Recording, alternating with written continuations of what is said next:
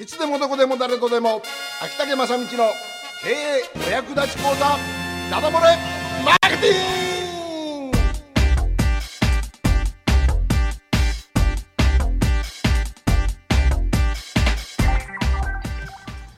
さあ時刻は6時を回りました。FM 北九のスタジオから生放送でお送りしております。関門独立共和国、えー本日のお相手は関門独立共和国初代暫定大統領の門司港のバナナマンと。ラーメン大活の福田と。本田理恵芸名本田久美子でお送りしております。え？芸名久美子さんなの？じゃあ芸名を紹介しなきゃいけなかったね 最初にね。いえいえいえさっきは忘れておりました。あもうリセット、えー、本田理恵。ええじゃあ本田久美子さんね、本ちょっと入れてみました。はい本田久美子さん。えーっとピアニストということだね。はい。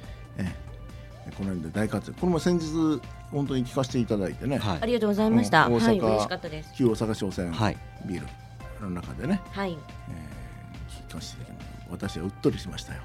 ありがとうございます、ね。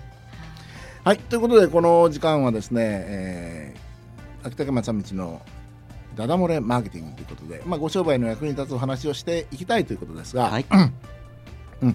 えーここ第3クールというかに入りまして、はい。えー今テーマがですね、えーテーマが、えー変わりましてえーっとこれ名前も覚えるの大変なんですけどえーオタクパワー研究所所長秋竹正道がお送りするオタクパワーでゆるゆるまちづくりと。ゆるゆる？ゆるゆる。ゆるゆるに。ゆるゆる。えーそういうふうに今変わっておりまして、えーこれで7回目ぐらいなのかな？うん。になろうかと思いますが。で今までの流れとしましてとにかくおためくを集めましょう。それはネットを使いましょう、でネットを使って100人ぐらい集めましょう。うん。集めましたらそこでリアルな会議を開きましょうということはいですでリアキの会議を開いて全部6人ぐらいいればいいですよっていうことでその時に大切なことは、え会費なし会則なし定例会なし飲み事なし 議題なしそれからえそういうゆるゆるの世界でうん。ただ単純に夢を語ると、えーそういうことを心がけてやってみてくださいって非常にですね敷居の低い。はい。敷居がないそういう世界ですね、うん。えーそれから6人いれば大丈夫なんですが、この6人がどんどん入れ替わってはい。うんえ最初こうねこう昔のですねもう維新の志士みたいにうん。やるぞと決めたことでみんなちょっとこう欠板をしてですよ、ね。血の反抗ですね。うちの反抗をしてそして俺たちは心一つにうん。一致団結、うん。一枚岩でなんてうん。形で、えーいうのをね、うん。やってきた人たち時代があったわけですけども、はい。今の時代はですねもうそんなの関係ない、もうね6人いていつ誰が今この場で明日明後日でもいつ誰が抜けても構わない。うん。この緩さがいいんです、うん。うん。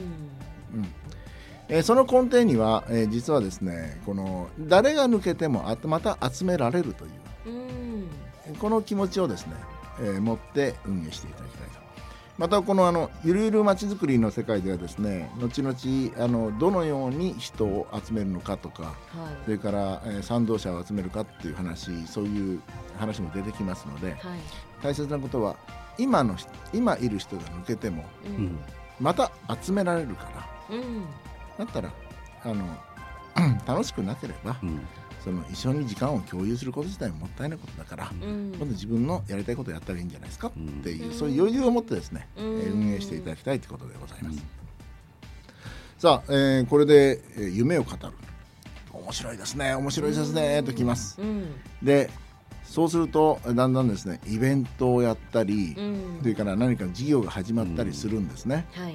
でその前にです。そのイベントの始め方それから事業の始め方もあるのですが、はい。えー皆さんにですねここでですね今風のリーダーシップというものをうん。をちょっとお伝えしておきたくて。はい。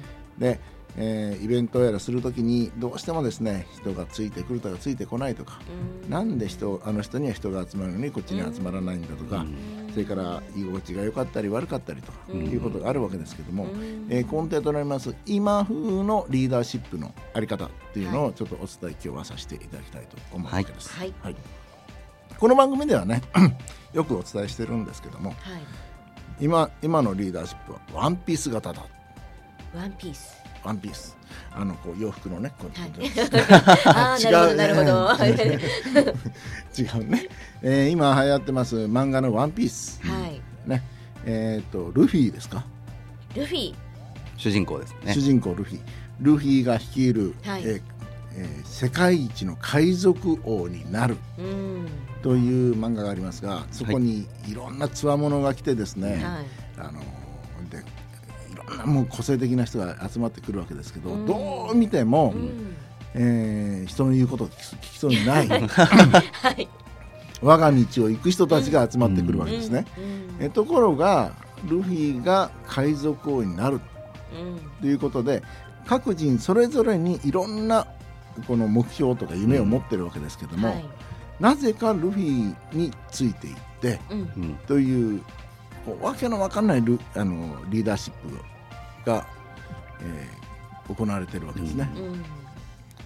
でルフィの言葉でやっぱりいいなと思うのがはい「俺はみんながいなければうん。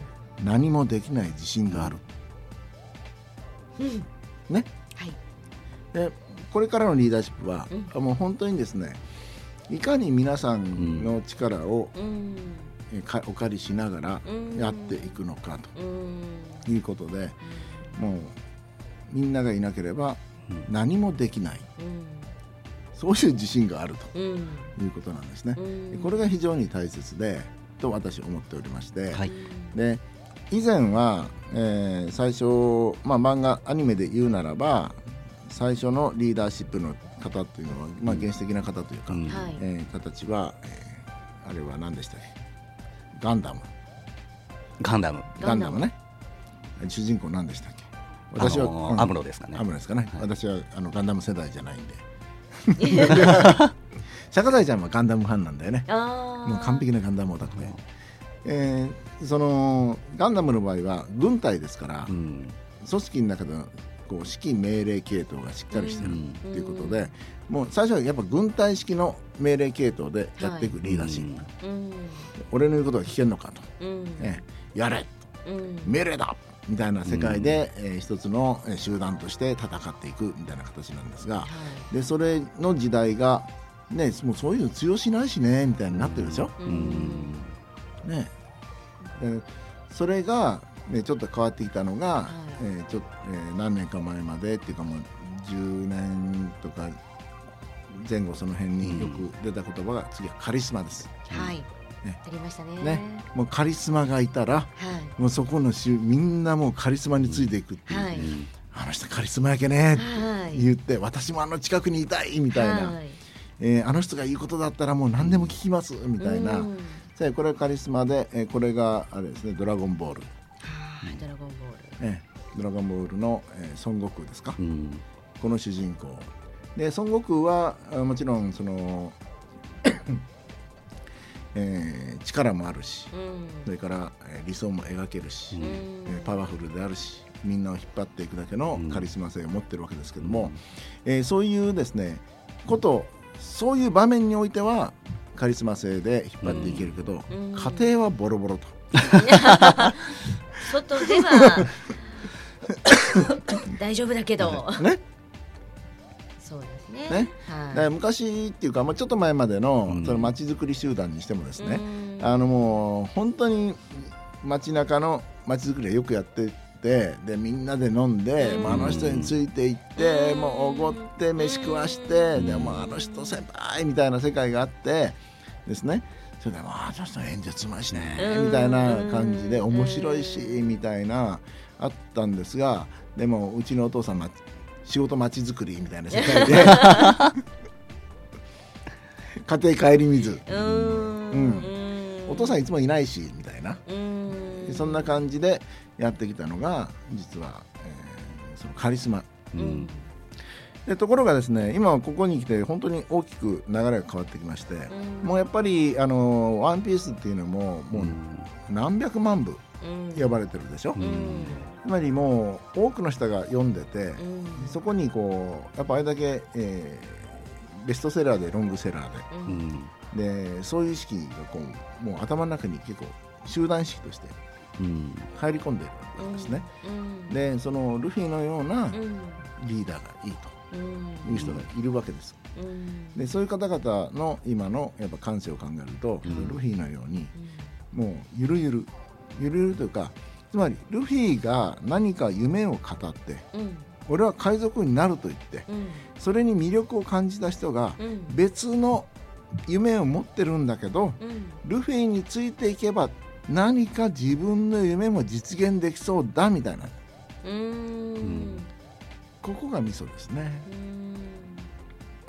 イメージがやっぱりこう湧くんですね。そうですね。うん。こいこいつについとったらうん。俺の夢も、ルフィの夢も実現できるけど俺の夢もできそうだしで彼の足りないところを俺が補えそうだし、うん。みたいなそれぞれの人のスキルがですね生かされるみたいな感じですね。だから、えールフィは、えーもうそのメンバーたちに与えるものを持ってるしメンバーたちもやっぱりルフィを支える何かを持ってると。でこれがですね実はオタク性なんですね。うん。要するに専門性。だからオタクたちをいっぱい集めると、はい。専門家が集まってくるんです、うんそうですね。うん。ですよね。はい。だからまあ門司港の門司港コミュニティという団体がありますが、はい。あそこは建築のオタク。はい。ね。それから近代化遺産のオタク。はい。ラーメンのオタク着物のオタク、鉄道のオタク、コスプレのオタク、はい。コスプレの。ね、そういうですね人がいっぱいあってしかもサブカルチャーもガンガン入ってきてるわけでしょ、うん。であのアイドルオタクもいますしね。ええ。だからそういう人たちが集まればいろんな分野にわたってその例えばリーダーとか引っ張ってる人のですね、あの何かをやろうとしてる人の足りない部分をその人たちが補っていく。ということで、うん。